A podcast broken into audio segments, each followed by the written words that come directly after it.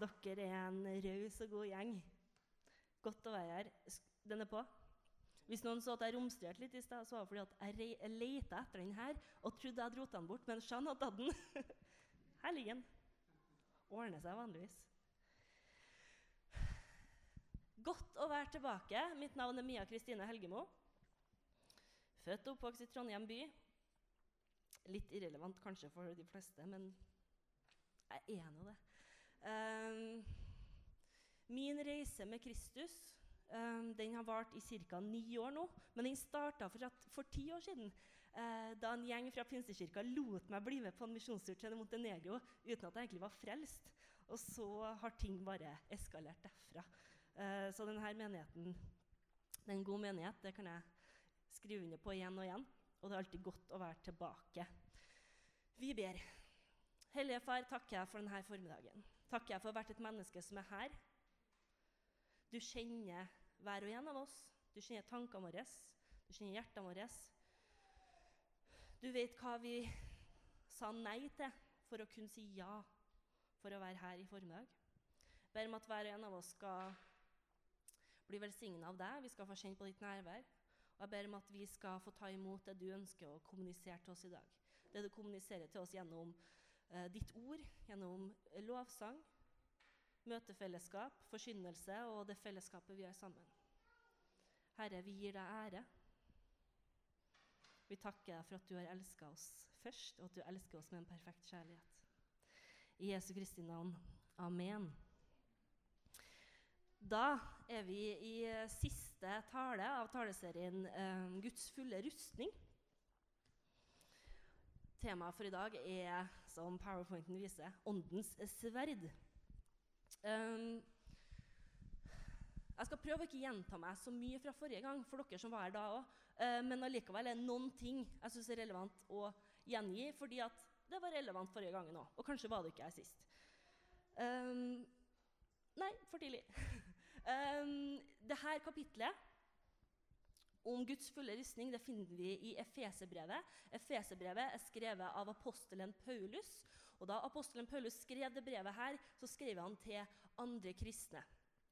Det vil si Han skrev til sånne som oss, vi som allerede har en tru. Kanskje sitter du her i dag og er litt usikker på om du tror. Det er helt greit. Um, de her ordene er like mye for deg, men det er viktig for oss å vite hvorfor um, um, Paulus skrev det brevet her, og hvem han skrev det til. Da Paulus skrev det brevet her, så satt han i fengsel. Og brevet ble skrevet ca. år 60-61 etter Kristus. Deilige fakta for den som liker det. Så er det det her med Guds fulle rustning. Eh, det dere sikkert har lært i løpet av denne tida her, er at Guds fulle rustning den tar vi på oss i bønn. Det er ikke en fysisk greie som vi kler oss med, men det er noe vi kler på oss i bønn. Og så er det litt sånn er veldig observant. Takk for at ingen flirer av det. Eh, men jeg er det. jeg er veldig observant. Eh, så jeg har lagt merke til at det er ingen her i dag som har kommet naken. Takk og lov for det, kan noen si. Jeg vet ikke. Men det virker som alle som er her, har kledd på seg. Fordi at altså, Som barn så er det mer naturlig å være naken. Det vet alle som har vært i nærheten av barn. vært barn selv. Men du lærer deg i det blir større, å kle på deg. Og så blir det en veldig naturlig ting. Det er aldri sånn og jeg prøver å være forsiktig med å bruke ord som aldri, aldri, aldri og alltid. Men det er aldri sånn at jeg våkner og blir sånn Hm, jeg lurer på om jeg skal kle på meg i dag eller ikke. Det bare gjør jeg. Det er en vane. Det er en selvfølge til og med. Og sånn skulle det kanskje vært med oss når det gjelder Guds fulle rustning òg. At det skal ikke være sånn hm, Skal jeg ta på meg Guds fulle rustning i dag? Skal jeg gjøre meg bevisst på at jeg er frelst? Skal jeg løfte opp troens skjold? Skal jeg ha fredens evangelium som sko på mine føtter? Hm, skal jeg det? Nei. Det skulle gjerne vært en vane. En selvfølge. Guds, ja, den her har jeg med i dag òg. Guds fulle rustning eh, den kler vi på oss, og vi tar den på oss i bønn. Bønn det er det viktigste våpenet vi har mot fienden. Bønn er det som virkelig flytter fjell. Bønn er der vi møtes, både i himmelrommet og vi kan møtes fysisk. Å undervurdere krafta av bønn tror jeg ikke er så uvanlig. Men jeg våger å si at det er en liten tabbe. Fordi det er så mye kraft i bønn. Og, så, og sånn som jeg sa sist, så er det sånn at mange har Eller ikke mange, kanskje, men flere kjenner på dårlig sjøltillit angående det her med bønn. Man kjenner på at 'Nei, jeg, jeg ber ikke fint nok'. Jeg syns det er skummelt å be høyt, eller Hører vel Gud egentlig meg? Svaret er jo ja. Gud hører deg. Han ser hjertene våre også. Og den bønnen du ber, uansett hvordan den høres ut, så er den veldig fin. I Bibelen så står det Jesus sier til oss det er to eller flere ber om i Jesu Kristi navn, det skal skje. Og Jeg vil komme med et lite argument for det å be høyt. Fordi noen kan si at nei, det vil jeg bare gjøre når ingen ser meg, eller i det private. Og det er veldig fint. Be i det skjulte, be i det private òg. Men be også uh, med andre. Fordi at Bibelen sier jo at det to eller flere blir enige om i Jesu navn. Det skal skje. Når du ber din bønn høyt, og jeg kan høre den bønnen, da har jeg muligheten til å være enig med deg. Jeg kan stå med deg og si 'ja, det her er jeg enig i', og så sier jeg 'men med det, og da er vi plutselig to eller flere som ber om det samme. Å be høyt er en styrke, og kanskje er en terskel vi må komme oss over òg. Jeg har tenkt å dele et lite vitnesbyrd knytta til det. Dette er for noen år siden. Um, jeg, jo, jeg er midterste barnet av tre barn. Det er meg, storesøstera mi Sanna, som er to år eldre enn meg, og så er lillebroren vår, som er 16-14 år yngre enn oss. Skikkelig attpåglatt. Um, og jeg har med vilje uh, prøvd å bruke litt ekstra, ekstra tid med dem her. uh, prøvde å bruke litt ekstra tid med Felix, for han er så mye yngre, og så har det vært viktig for meg å vise at du er ikke enebarn, du må bli jekka ned litt. Um, men det har han klart å bli veldig fint. Dere som kjenner Felix, vet at han er ganske jekka ned. jeg jekka ned. Sanna bygde den opp igjen. Nei da. Um, men i hvert fall så var vi på stranda. Vi hadde vært på stranda. Jeg, mamma og lillebror Felix. Felix gikk på barneskolen. Jeg husker ikke hvor gammel han var. Han husker sikkert nøyaktig hvor gammel han var. Um, men så skulle vi bare stoppe innom butikken på tur hjem. Og på butikken, før eh, mora vår går ut av bilen, så spør hun oss vil dere at jeg skal kjøpe noe til dere. Og både jeg og Felix sier nei, det, det trenger ikke å gjøre. Ikke kjøpe noe. Og så sier jeg er dere helt sikre? Og vi sier ja, helt sikre. Trenger ikke å kjøpe noe. Og så går eh, mor, eh, Heidi, eh, går inn i butikken og forsvinner, og vi ser henne ikke. Og akkurat idet hun går inn i butikken, så ser jeg reklame for is. Og jeg ble fylt med anger. Fordi jeg hadde så lyst til at hun skulle kjøpe med is til oss. Fordi det var varmt, og det, var, det så ut som en veldig god is. Um, så i biler så sier jeg høyt Å, kjære Gud, la mamma kjøpe med is til oss i Jesu navn. Amen, sier jeg høyt. Og så Felix sier ingenting. Og da sier jeg tilbake, 'Felix, er du enig i at mamma skal kjøpe med is til oss?' 'Ja, jeg er enig i det.' Sier jeg, 'Ja, men da må du si amen.' 'Ja, amen', sier jeg. 'Bra.' Fordi at, og så sier jeg det som jeg sa til dere nå, fordi at Bibelen sier at det er to eller flere blir enige om i Jesu navn. Det skal skje. Så når vi ber nå, så har jo vi to stykker. ikke sant? Og når du sier amen, så er du enig, og jeg er enig, og da har vi en god sjanse. Og så sier han ja, jeg var enig i det, da. Men, men, men enn om mamma ikke kjøper med is? sier jeg nei. Enten da må vi spørre mamma om hun vurderte det. Fordi det kan jo hende at Gud hadde talt til ham at hun skulle kjøpe med is, og så hadde hun hørt det, men så hadde hun valgt å ikke høre på det og vært ulydig. Veldig, veldig, veldig dramatiske eksempel. Men uh, så, så, ja, hvis noen lurer på hvorfor Felix stakkar har blitt sånn så er det ikke pga. meg. Det er på tross av meg. Um, så sier jeg ja, men da har han vært ulydig. Da har jeg vært ulydig. Men um, hvis hun kommer og hun har kjøpt meg, da vet vi jo at Gud har gitt henne beskjed når hun har hørt etter.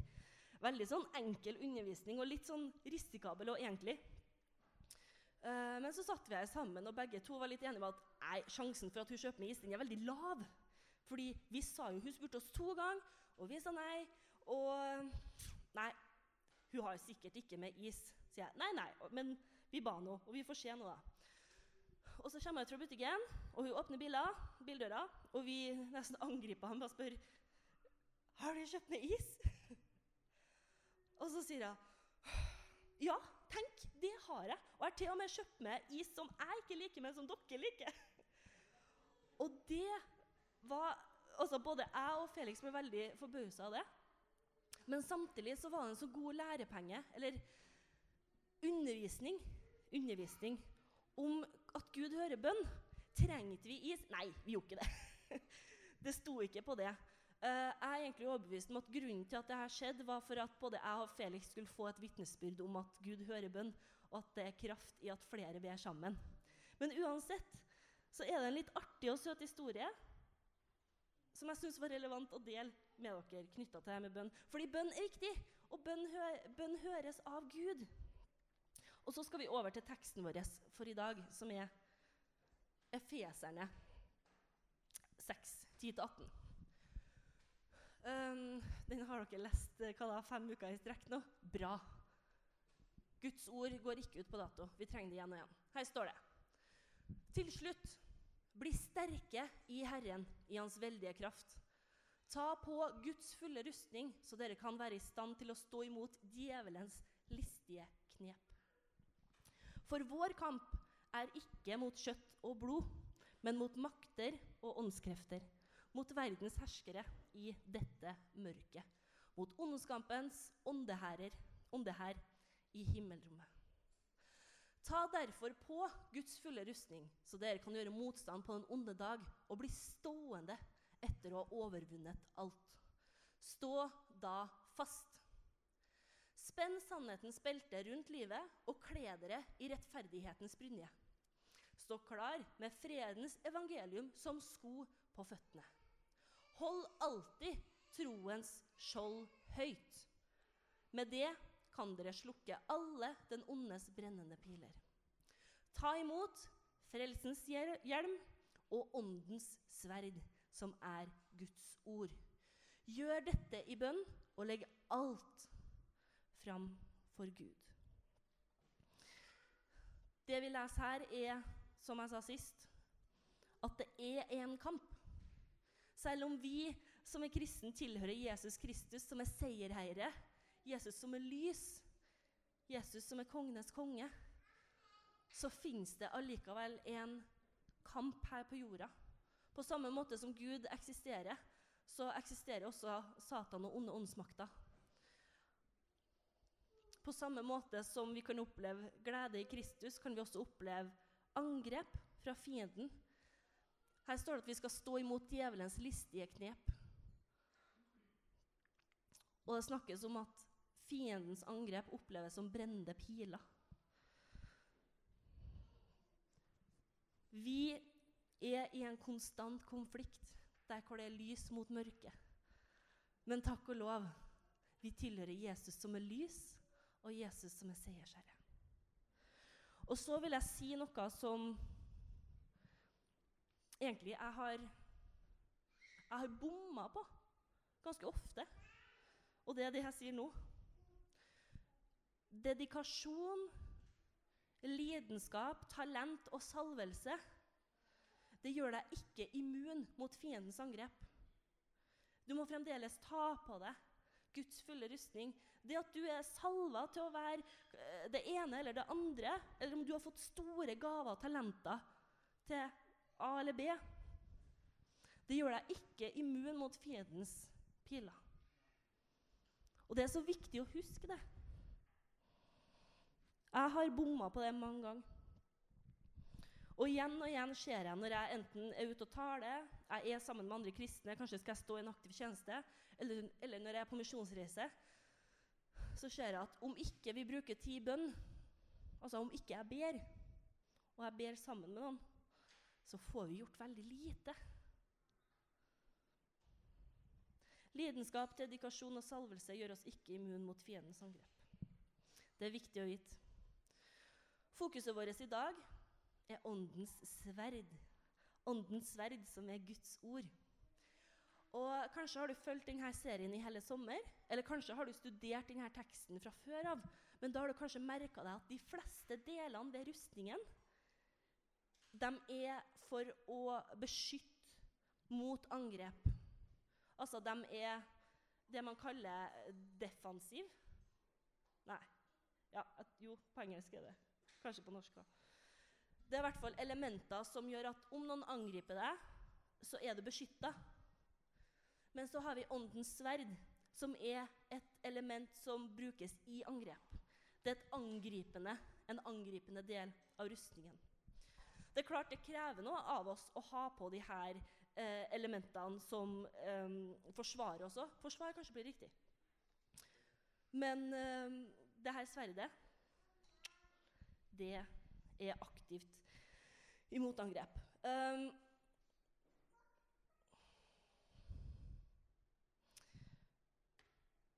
Guds ord, som er åndens sverd, det er essensielt for vårt liv som kristne. Ordet 'essensielt' lærte jeg meg på ungdomsskolen da jeg skulle skrive en stil. Essensielt betyr livsviktig. Viktig ord. I Romerbrevet 12 står det det her, også Paulus som har skrevet det. Innrett dere ikke etter den nåværende, ver nåværende verden, men la dere forvandle ved at sinnet fornyes, så dere kan dømme om hva som er Guds vilje, det gode, det som er til glede for Gud, det fullkomne. Våre sinn fornyes hver gang vi leser Bibelen. Guds ord fornyer sinnet vårt og renser hjertene våre. Det er livsviktig. Og Guds ord kan også beskrives som levende vann. Guds ord er jo, det er jo Gud. Jesus han sier 'Kom, kom og få det levende vann'. Han er det levende vann. Ikke sant? Og så er det sånn med Bibelen Jeg ser, jeg ser det i hvert fall sånn at uh, Bibelen er litt sånn som med ekte vann. Vi trenger vann, ikke sant? Um, fordi det hydrerer oss. Og så fikk jeg et tips fra noen en gang som hadde reist mye. og Det var i forhold til å holde seg hydrert da, i varme strøk. Så sa de at Ganske krast råd, kanskje, men det var noe sånn som det her.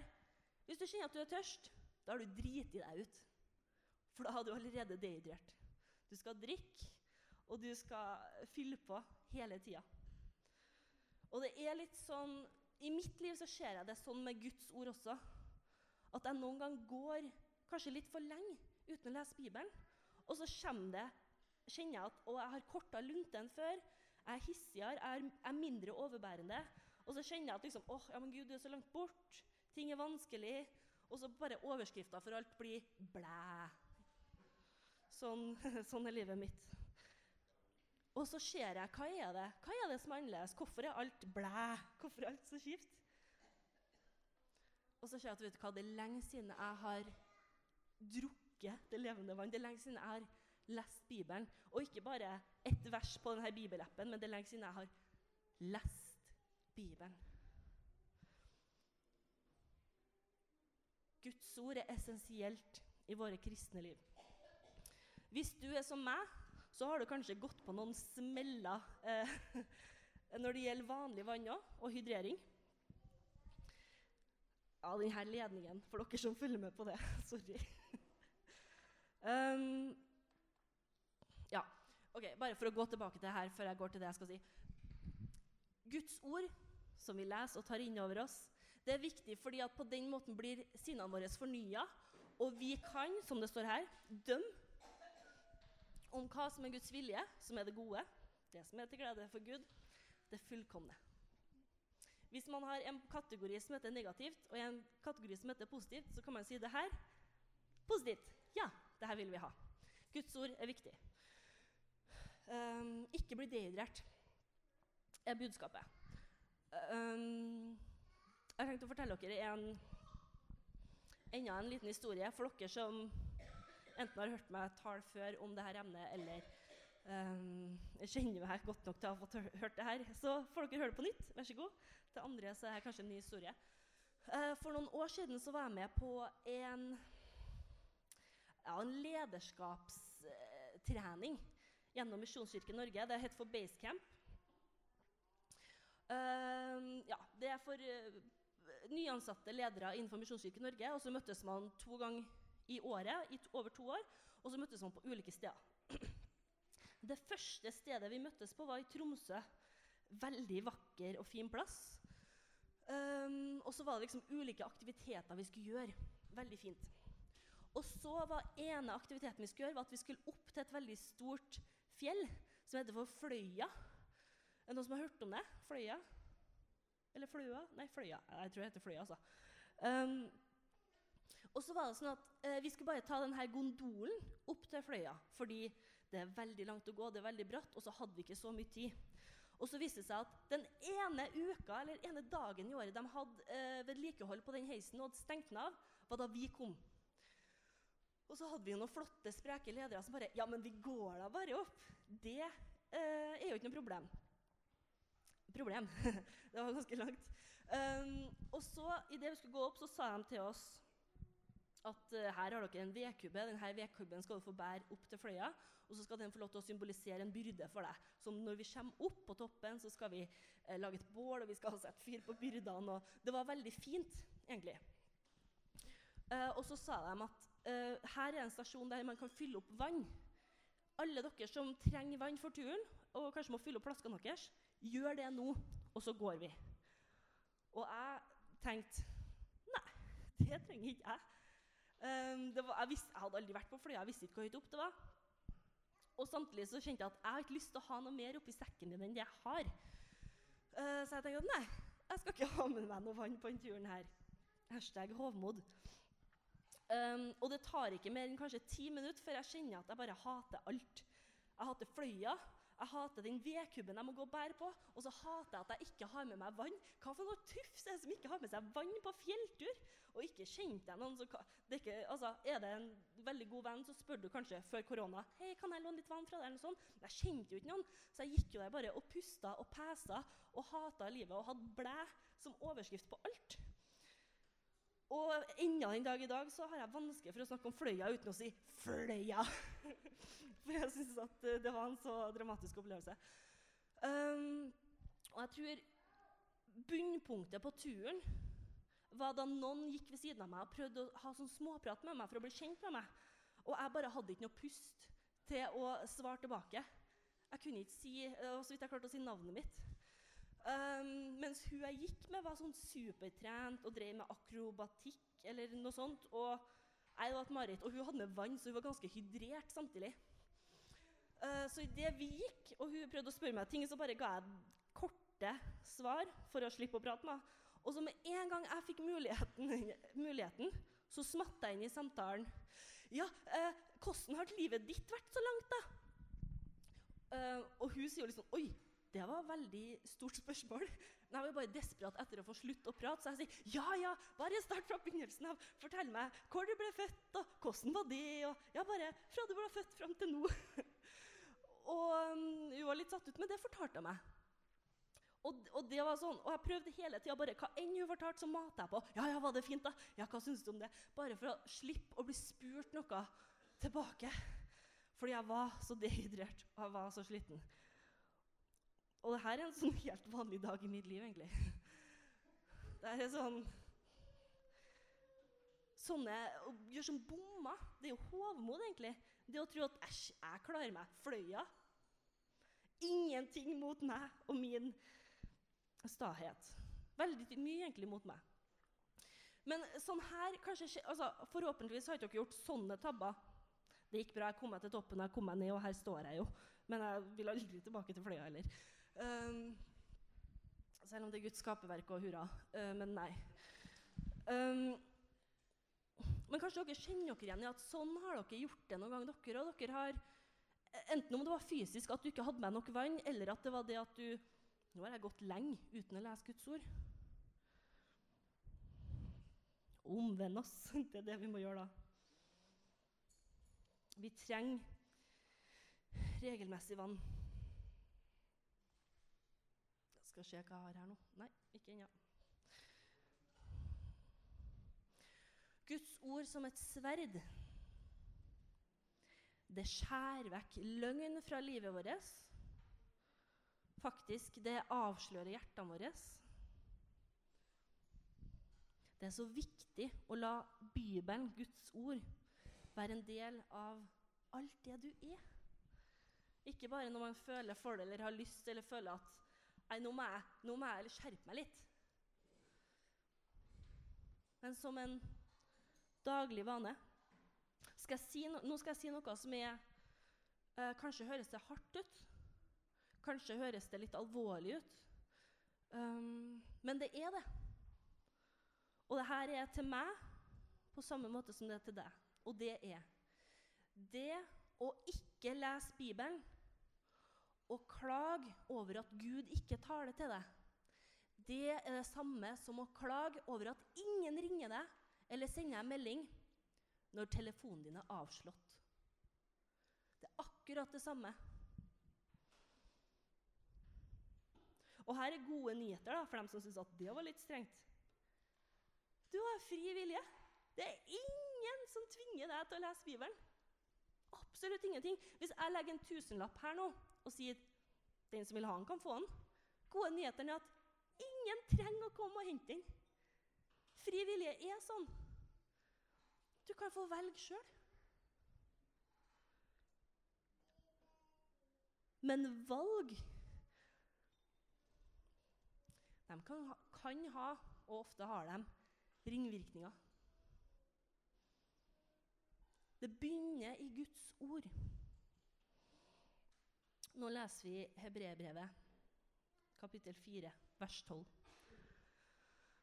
For Guds ord er levende og virkekraftig og skarpere enn nå tveegga sverd. Det trenger gjennom til det kløver sjel og ånd, marg og bein, og dømmer hjertets tanker og planer. Åndens sverd, som er Guds ord, det er som vi leser her. Det er levende og virkekraftig. Kanskje har du noen områder i livet ditt der du kjenner at ting er ikke levende og virkekraftig. Ting virker bare dødt og vanskelig. Ja, Guds ord motgifter, altså. For det er skarpere enn noe tveegga sverd. Det trenger gjennom til det kløver sjel og ånd og marg og bein og dømmer hjertets tanker og planer. Det er virkelig det viktigste vi har. Guds ord, for det hjelper oss å se hva er det som er Guds vilje, hva er det som ikke er Guds vilje.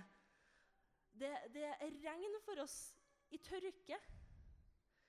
Det er kompasset til kartet vårt.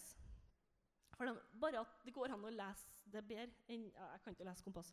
Um, men Bibelen er, er en lykt for vår fot. Lampe for vår fot. Og det her er det som er så En utfordring, syns jeg, er at det er så mange som bruker tid og energi på å pleie den fysiske kroppen. At man må trene så og så mye, man må spise det og det. Og man ja, dyrker kroppen sin. Men så gjør man ingenting. Eller man bruker marginalt med tid på å styrke det viktigste vi har, det som livet går ut ifra. Det å lese Guds ord, det er å drive med hardcore styrketrening for ånd, sjel og legeme. Og så litt Hvordan ser det her ut, da? Hvordan ser det ut av åndens sverd eh, i et angrep? For det snakkes jo om djevelens listige knep, ikke sant? Skal vi tilbake til huset jeg snakka om sist? Um, det her sa jeg også sist, men jeg, jeg, gjentar det fordi det er så viktig. Hvis fienden vil angripe deg altså Det kan jo komme på ulike måter, men ofte er det gjennom tanker. Det opplever jeg. Og så er det sånn at hvis noen ønsker å La oss si at en øh, menneske er et hus. Vi sier det. Ånd, sjel, legeme, jeg er et hus. I det huset her bor jeg. Jeg har låst døren, og det er trygt og alt er bra. Eh, og også i det huset hvor Jesus, jeg og Jesus er sammen, fordi jeg tilhører han, så vi er ett. Um, selv om jeg er trygg i huset med Jesus, og alt er bra, så betyr det ikke at ikke folk utenfra kan komme og ønske å komme inn. Akkurat som en innbruddstyv. Og det er litt sånn har jeg opplevd at fiendens angrep er. At um, Veldig alvorlig da, å si 'Satan står og banker på døra'. Um, men jeg liker jo å ta det litt alvorlig. Så la oss si da at på den døra her så står Satan og banker på. For han vil komme inn, han vil komme inn med løgner, han vil komme inn med tvil. Han vil komme inn med uh, ting som skader meg. Den beste måten for han å få komme seg inn i huset mitt som en innbruddstyv, som en løgner, det er jo om han kler seg ut som en av mine venner, eller som en som er på min side. La oss si at mitt team bruker blå klær, og Satans team bruker røde klær. Så har han på mystiske vis har han fått tak i en blå drakt, og så stiller han seg utafor og banker på og sier 'Her er jeg. Kan jeg få komme inn?' Og så kan det hende at kanskje jeg ikke har Kanskje jeg ikke har tatt på meg Guds fulle rustning den dagen, eller kanskje noe som gjør at jeg tenker ja, du er jo blå, så du, er ikke du på mitt team, ja, da får du komme inn. ikke sant? Det er litt sånn fienden fungerer, at når jeg får de her tankene om at du har ikke en verdi, eller du får ikke til noe, eller folk er ikke glad i deg Veldig alvorlig, men sånn kan jeg få noen gang. Så, så er det ikke sånn at jeg Aha, det her er fiendens brennende piler mot meg. Nå blir jeg angrepet. Ofte så tenker jeg at det her er mine tanker. Og de her tankene, de er sanne. Men leser vi Guds ord, så klarer vi enklere å eh, avsløre hva er fiendens angrep, hva er Guds tanker for meg, og hva er ikke det.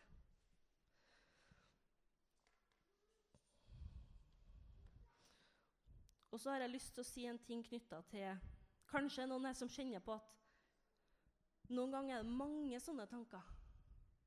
Tanker som gjør vondt, tanker som gjør at man mister trua på seg sjøl og på Gud og på alt rundt.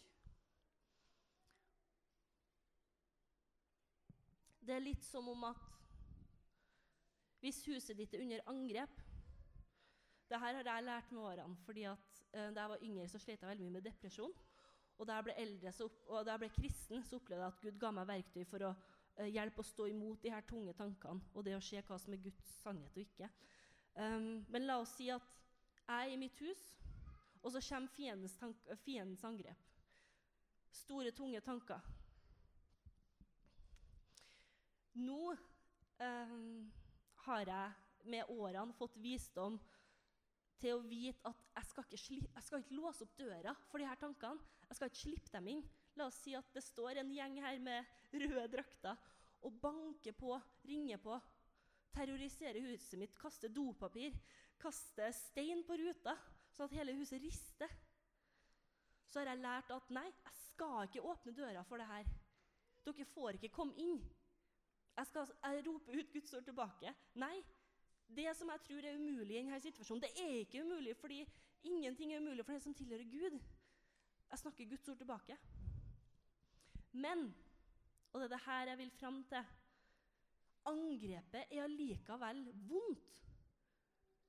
Fordi selv om jeg er trygg, jeg er inne i mitt hus, det er lost, ingen får komme inn, så er det jo Jeg hører jo lyden av stein på ruta, jeg hører at folk rister. Jeg hører de her Jeg opplever terrorisering. Og så er spørsmålet hva gjør man da? Det er, det, det er sånn det er å være under angrep. Og det å samtidig ha modenhet nok til å ikke slippe inn fienden. ikke sant? Men angrepet er vondt for det.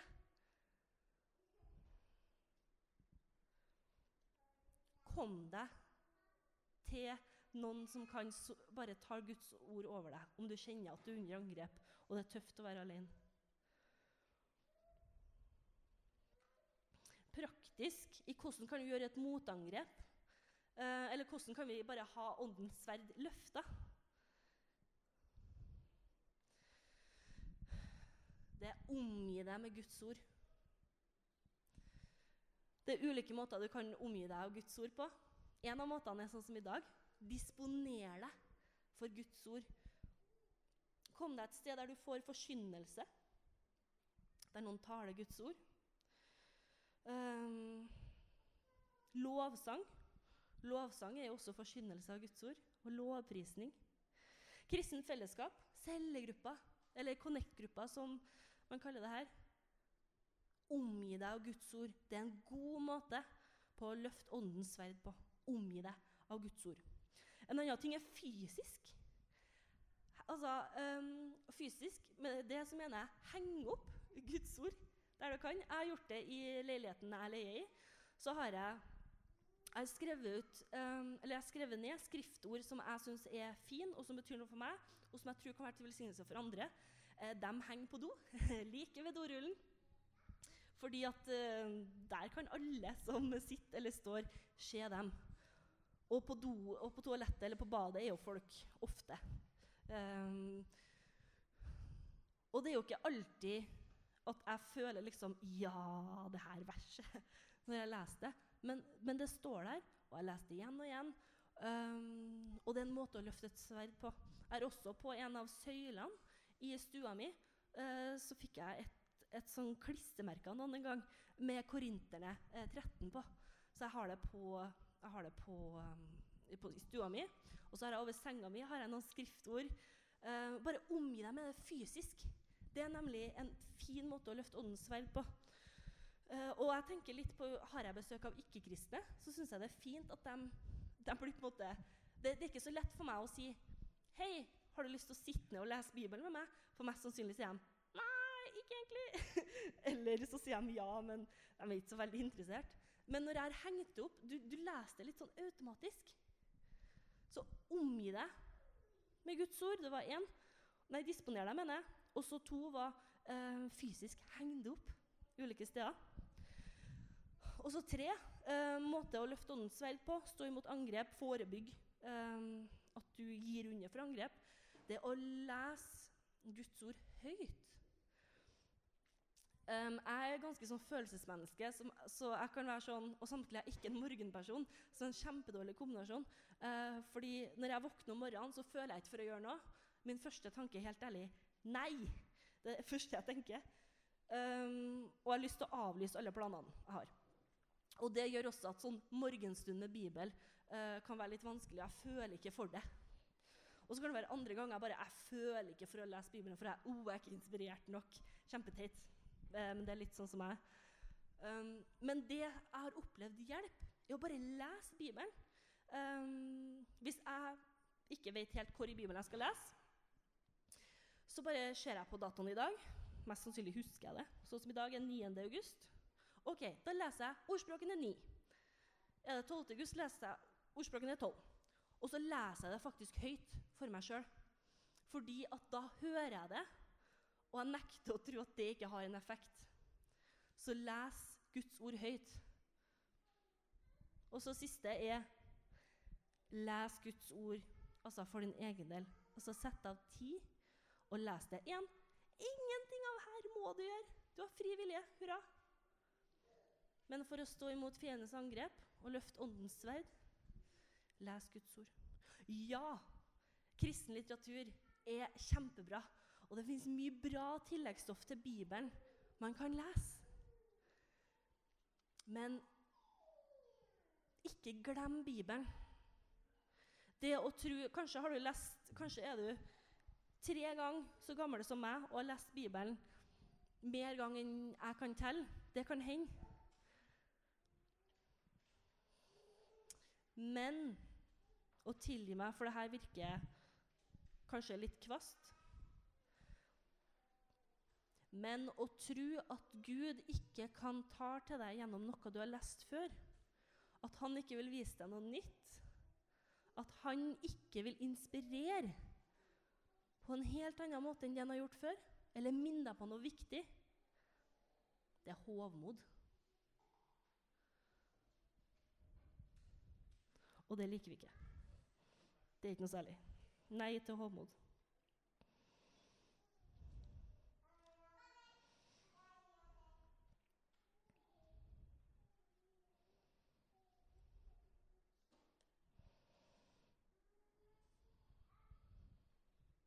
Jeg tror de fleste av oss gjerne vil at Gud skal tale til oss, både om det ene og det andre Veldig, veldig vagt, men Men jeg har lyst til å gjenta meg sjøl ved å si at det å ikke lese Bibelen og klage på at Gud ikke taler til deg, det er det samme som å klage på at ingen ringer deg eller sender deg melding når telefonen din er avslått.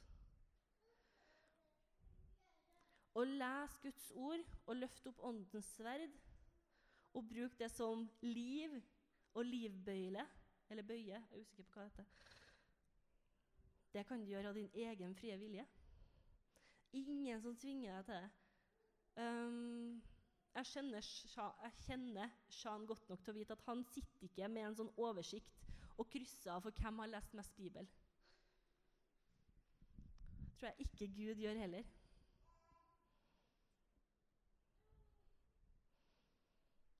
Men det er essensielt for ditt liv som kristen. Og ja, det er vanskelig. Det kan være vanskelig å disiplinere seg til det. Og det er så mye spennende som går på TV-en. Eller det er så mange turer som kan gås. Eller det er så mye bra videospill Videospill, hvor gammel er jeg? Eh, ja, konsollspill. det er så mange bra konsollspill osv. Fotballkamper å se. Um, og så er Gud, da. Han som bare stille hvisker vil du?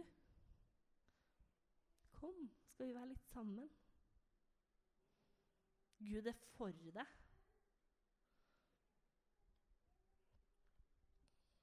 Han er ikke imot deg. Nå til slutt skal vi få en uh, lovsang fra kaptein Joakim Midtgaard Helgemo, min uh, svoger.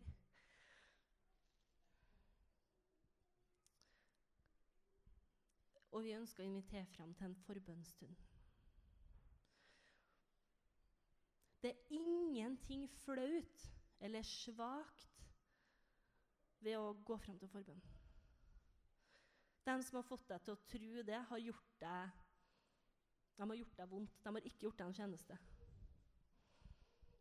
Kanskje sitter du her og kjenner at 'jeg trenger forbønn knytta til noe fra dagens tale'. Eller kanskje er noe helt annet du vil ha forbønn for. Eller kanskje har du det superbra og du ønsker at Gud skal bare hjelpe deg å bruke alt det bra du har fått i livet ditt, til å velsigne andre. Vi står foran her, og vi eh, ønsker å være med å be med deg og for deg. Og eh, er det noe du syntes har vært enten uklart, eller noe du er litt uenig i, eller bare har behov for å snakke om knytta til talen i dag, så står jeg igjen her etter gudstjenesten og vil veldig gjerne prate med deg. Hellige Far, vi takker deg for din nåde, din fred som overgår alt. Og Herre, vi takker deg for at vi får lov til å bo i et land der vi kan lese Bibelen uten å bli forfulgt. Takk, Herre, for at vi har tilgang på ditt ord. Og takk, Herre, for at du inviterer oss til å ta del i rikdommen som er i ditt ord, Herre. Takk, Herre, for åndens sverd. Herre, jeg ber for hver og en av oss at vi skal få lov til å vokse i autoritet, kjærlighet og intimitet til deg. At vi skal ta nye steg med deg, Herre. Uansett alder, uansett eh, hvor moden eller umoden vi kan føle oss i vår kristne tro, ber om at vi skal få lov til å ta nye steg med deg, Herre. Ber om at din fred skal være nær hver og en av oss her. Ber om at du, Herre, tar det gjennom den tida vi har brukt sammen her nå. Din nåde og fred bevarer oss i alt vi er og i alt vi gjør. I Jesu Kristi navn.